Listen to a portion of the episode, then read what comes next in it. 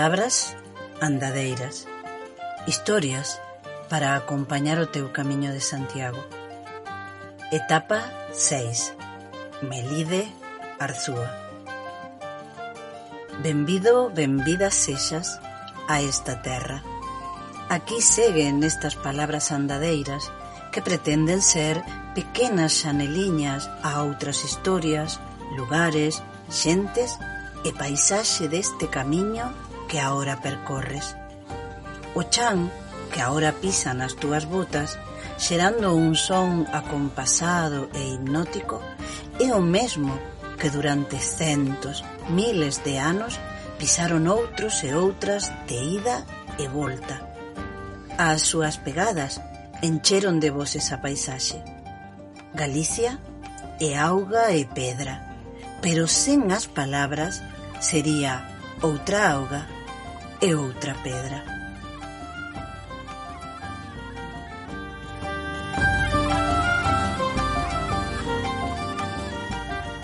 A paisaxe que ves. Na Serna de Galicia, onde conflúen os camiños de Santiago francés e primitivo, sitúase a Serra do Careón, de moderada altitude, cumes redondeados, características especiais no subsolo e abundantes fontes e regatos de montaña. A serra é un espazo natural protexido como lugar de importancia comunitaria que abrangue máis de seis mil hectáreas. Esténdese por tres provincias galegas, polos concellos de Agolada en Pontevedra, Friol e Palas de Rei en Lugo, Santiso, Melide e Toques na Coruña cunha altitude media de cincocentos cincuenta metros e máxima de oitocentos forma parte da dorsal galega.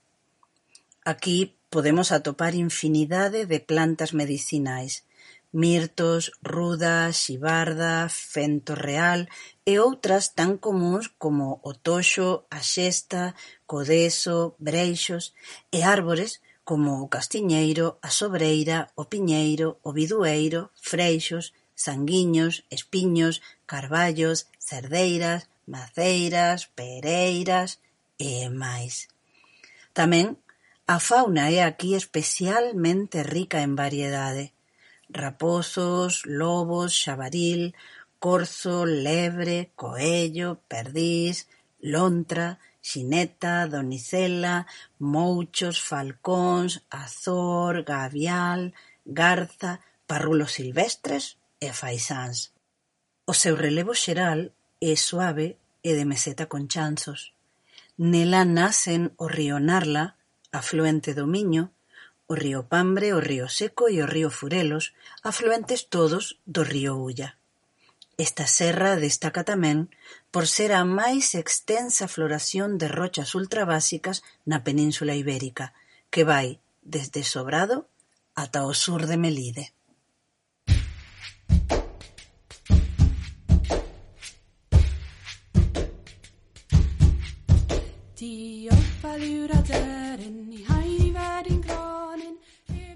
A cultura construída. Con moita probabilidade, amiga, amigo, ao longo deste camiño que estás a transitar, biches, no medio de paredes, balados, portas das casas, cumios dos teitos ou enriba dos hórreos, algunha ou varias pedras brancas. Son seixos, cuarzo, en castelán. Seguramente se preguntas á xente sobre o motivo da colocación desas pedras, responderache con evasivas, ou reducirá no feito a un «porque fai bonito». É probable que moitos non o saiban. Outros non o dirán por medo ao que poida pensar un descoñecido dunha crenza presente nos galegos e galegas dende hai moito, moito tempo. O seixo sempre foi usado dende a máis remota antigüidade como unha pedra amuleto, isto é, como o diría o antropólogo Rafa Quintía, como un obxecto que propicia o ben, que nos protexe do mal e afasta a desgraza, a enfermidade e a influencia do maligno.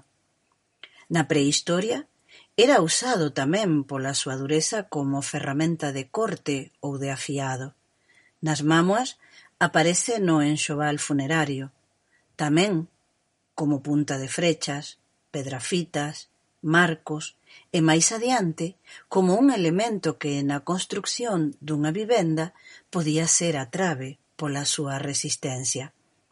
No terreo das crenzas o seixo pode ser pedra da pezoña, para curar das picaduras de serpes, arañas ou sapos, pedra do meigallo para protexer calquera construción, pedra de leite que moitas mulleres levaban nunha bolsiña no medio dos peitos, pode valer para a fertilidade, para predecir as colleitas, para que che volvan os folgos, colocada nas árbores para que dean froita, ou dentro da boca para atopar mozo.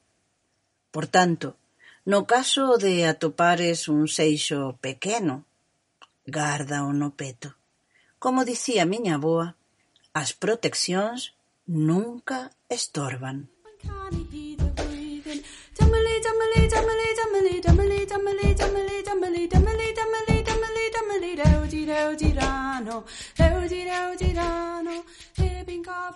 Palabra de autor.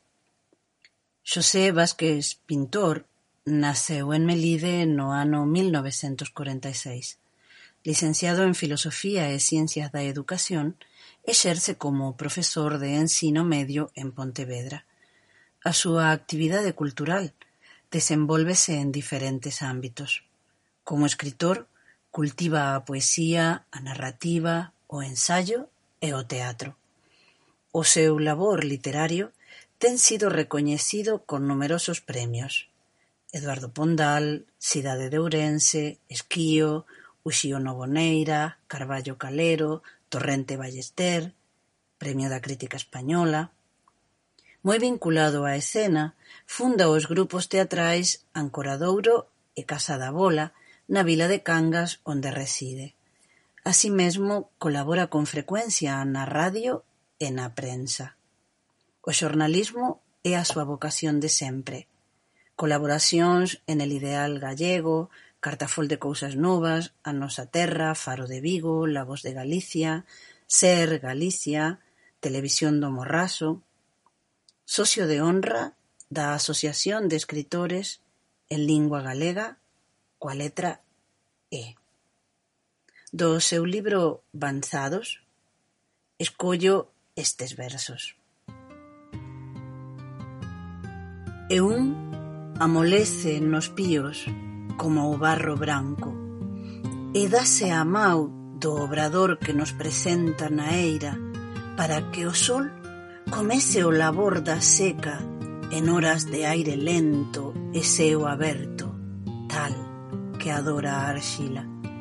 E despois canta no forno cando a calda e a baixa alcanza no fulgor da luz vermella e ese corpo da terra informe, lombo e cuncha, son valemento de guarda sobre a casa do amor.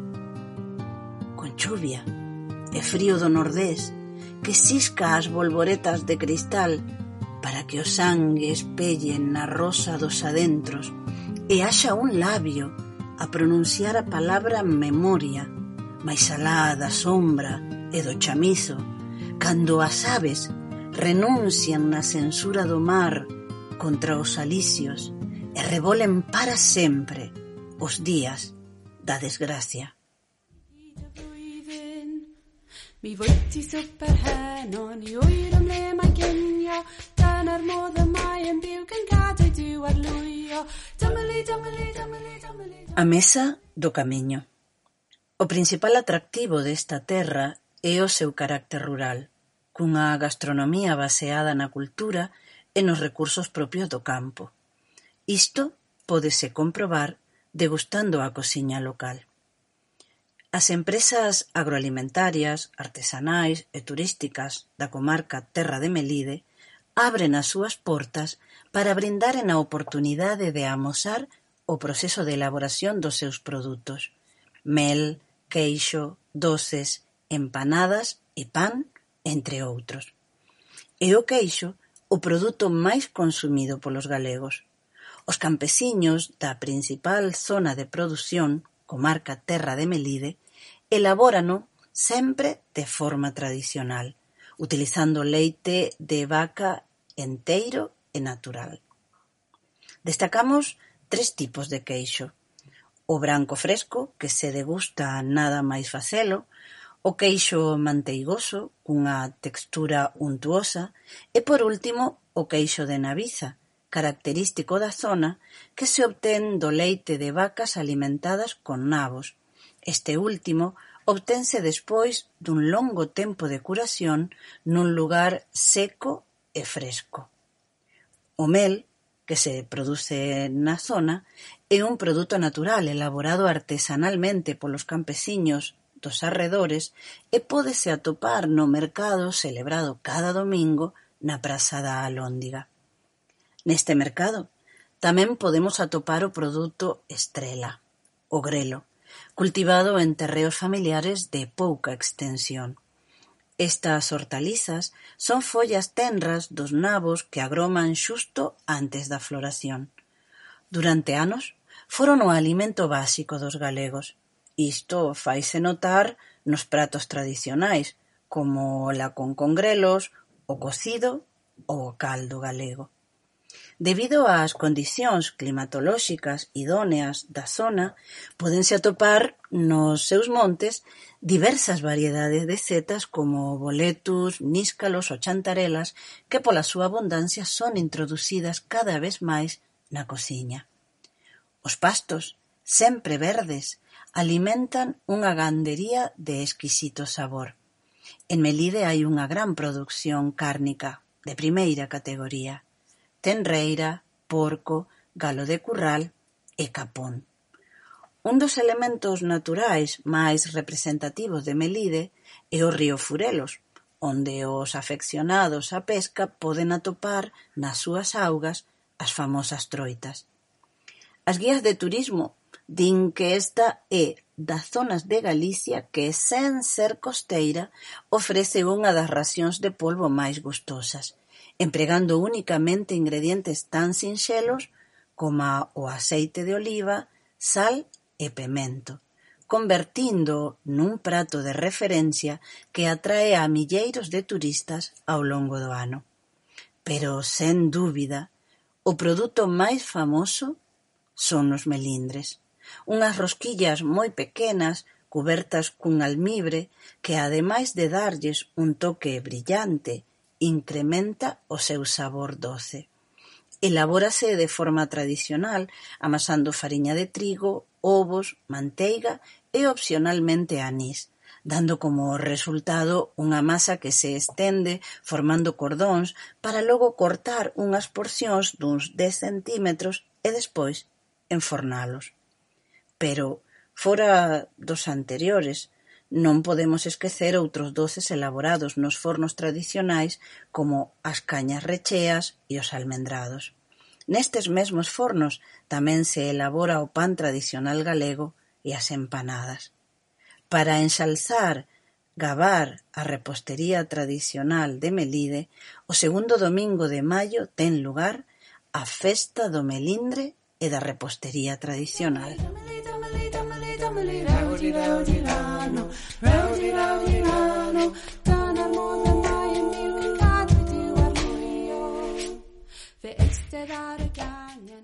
Música nos teus pasos. Fernando Vázquez Arias é un melidense, compositor, pianista e director de orquestra.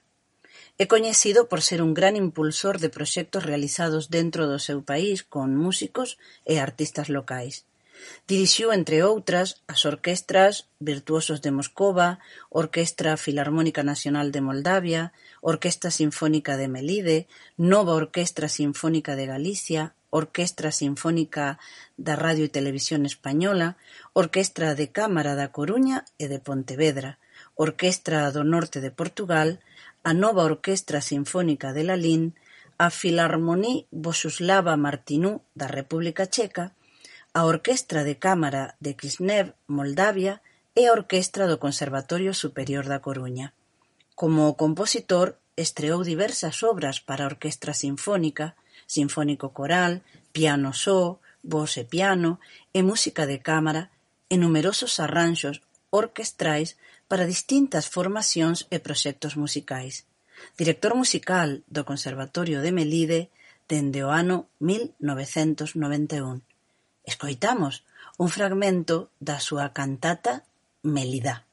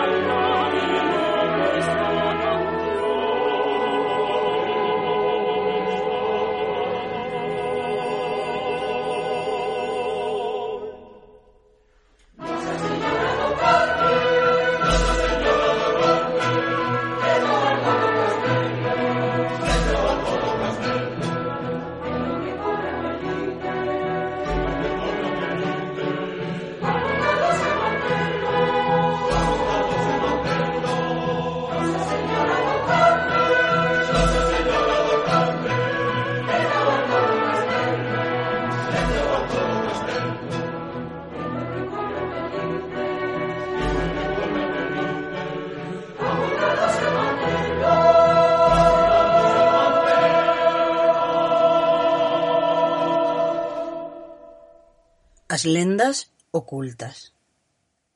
Esta lenda a contan pola ponte Furelos. Dis que os veciños do lugar necesitaban unha pasarela firme para atravesaren o río, pero por unhas cousas ou por outras non encontraban a forma de dala construído. De maneira afortunada, apareceu un mouro, que se comprometeu a facer a ansiada ponte a cambio dunhas poucas moedas. Pero non contaban coa picardía do construtor, que pensou en deixar unha pedra mal asentada de maneira que co tempo a estrutura comenzase a tremer. E así foi. A ponte comezou a vibrar e os veciños acudiron a el para a que arranxase. O Mouro aceptou a encomenda, pero pedindo cobrar o traballo con máis moedas de ouro. O caso é que repetiu a falcatroada. Arranxou a ponte, deixando outra pedra medio solta e conseguindo que pasase outra vez o de antes. Así seguiría o negocio. O conto volveu ocorrer varias veces, Ata que os veciños, xa mosqueados, decidiron vixiar os arranxos da ponte.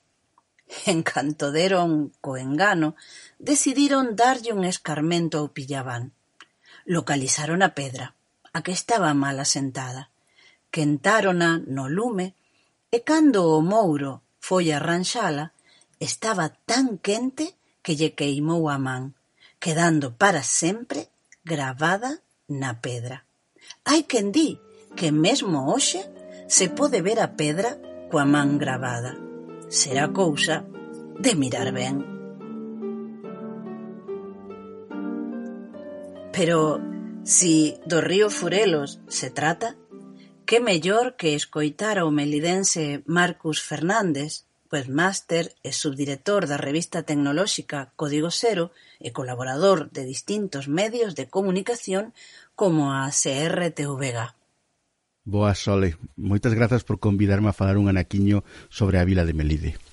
Camelide é unha vila na que me criei e que está profundamente moldeada polo Camiño de Santiago, como pode verse pola cantidad de albergues abertos nos últimos anos para atender a elevada afluencia de peregrinos. Pero mm, a mí gustaríame achegarme a un elemento do Concello que pasa desapercibido para os que veñen de paso. Para os melidenses é sustancial a cultura local Furelos. Pero non me refiro a aldea na que hai unha ponte medieval que incluso se emprega como icona para representar o turismo local, senón a praia fluvial, un recanto de Melide moi frecuentado pola mocidade que mudou moito e que traeme multitude de lembranzas, pois falamos dun lugar de recreo para a xente nova no verán, pero tamén como un lugar no que se celebran moitos xantares familiares ao aire libre nos domingos de calor. Para iso, Furelos contén incluso con espazos para facer grelladas e incluso chegaron a colocarse bancos de pedra que mm, convido a visitar, simplemente para comprobar en persoa se realmente eran lápidas antes.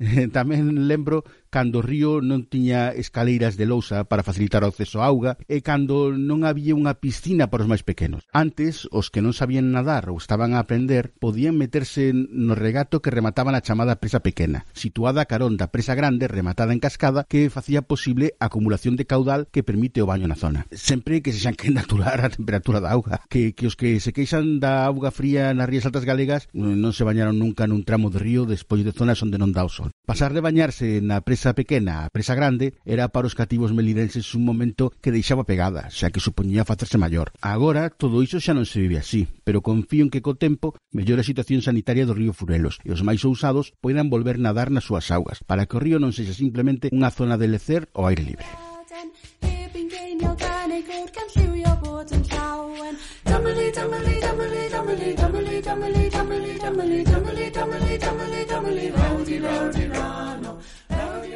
O patrimonio está aquí.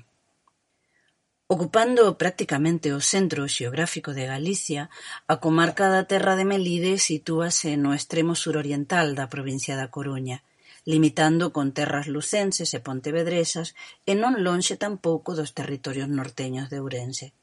En clave estratéxico desde tempos pretéritos son varios os xacementos prehistóricos conservados na contorna; con todo, será durante a Idade Media cando, grazas á importancia que cobraría o Camiño de Santiago, a terra de Melide gozaría dunha notable puxanza económica e social que se vería fortalecida a mediados do século XII co establecemento da Orde do Cister no mosteiro de Sobrado dos Monxes.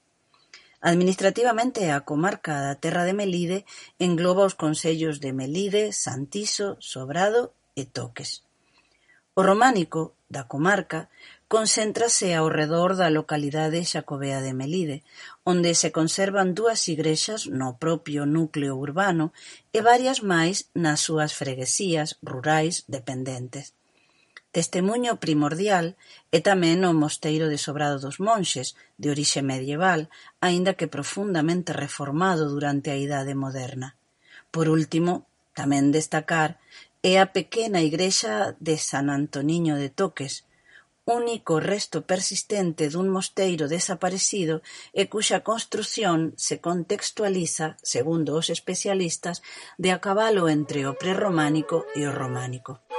Santa María Situada á mesma beira do roteiro xacobeo ao seu paso por Melide, a igrexa de Santa María pode que sexa a construción románica máis completa e mellor conservada da comarca.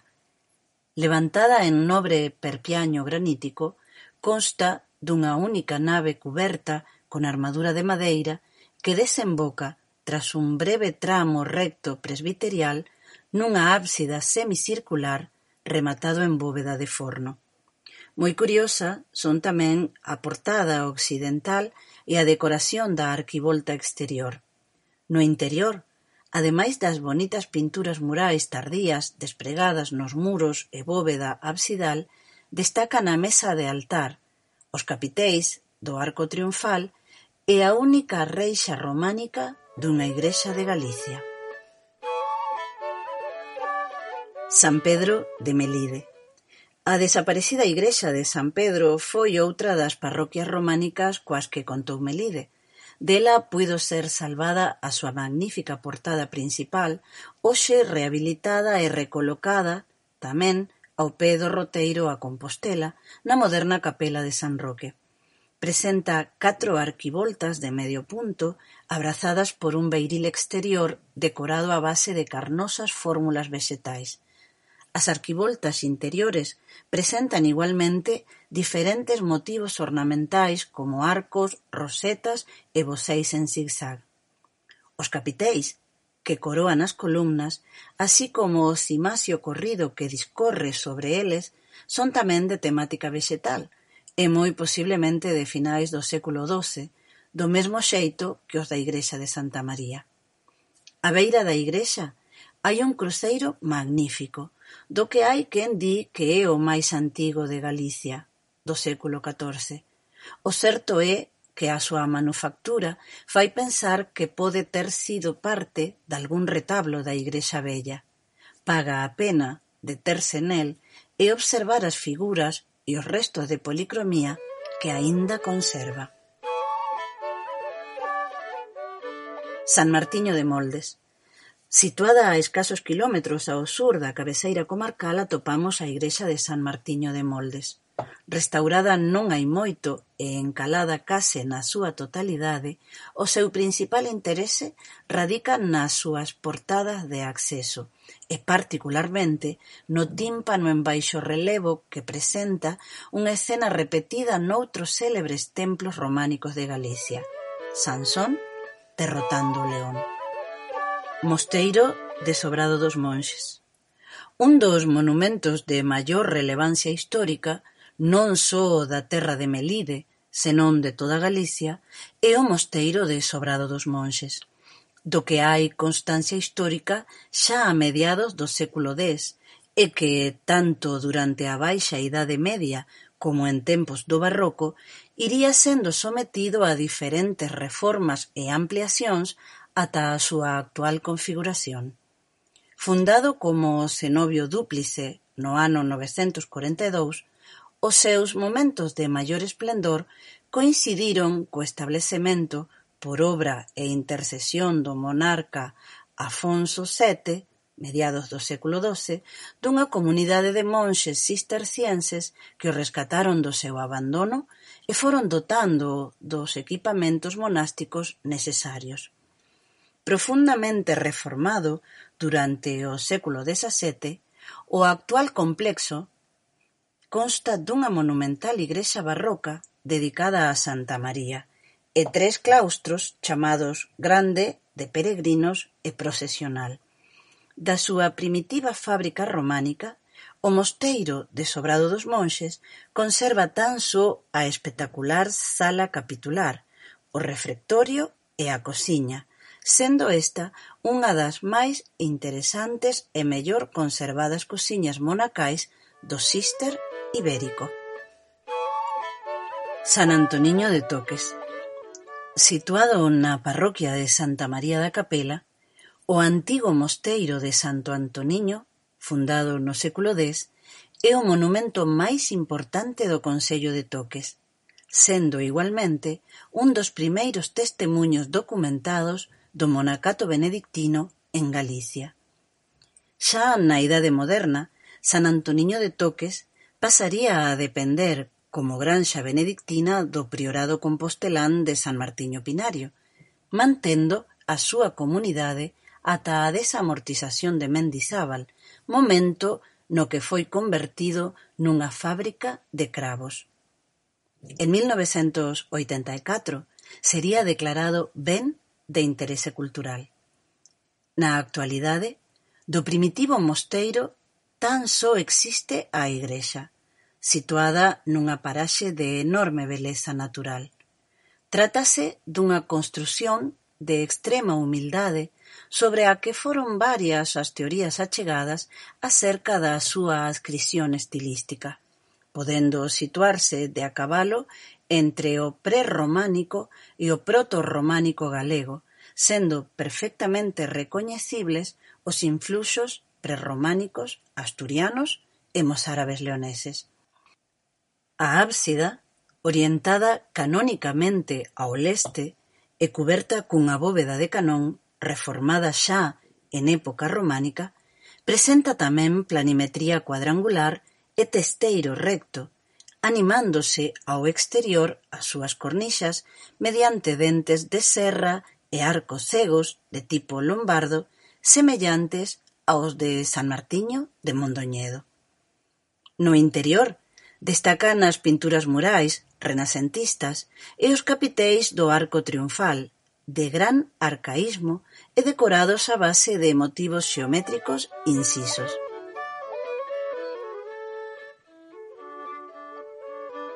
Seguindo cara a Arzúa camiñaremos por bosques, atravesaremos pontes medievais, chegaremos a Boente, o lugar que mencionamos nas palabras andadeiras de Triacastela, lugar onde os peregrinos depositaban a pedra de cal que dende alí traían.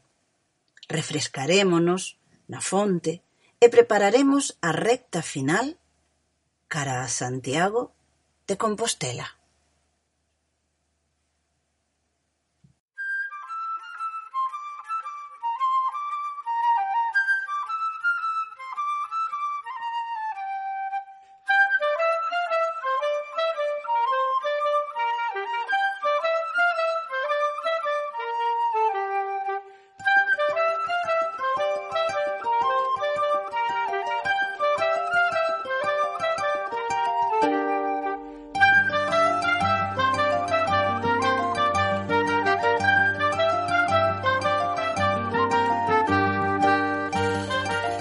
Palabras Andadeiras é un podcast escrito e realizado por Soledad Fellosa.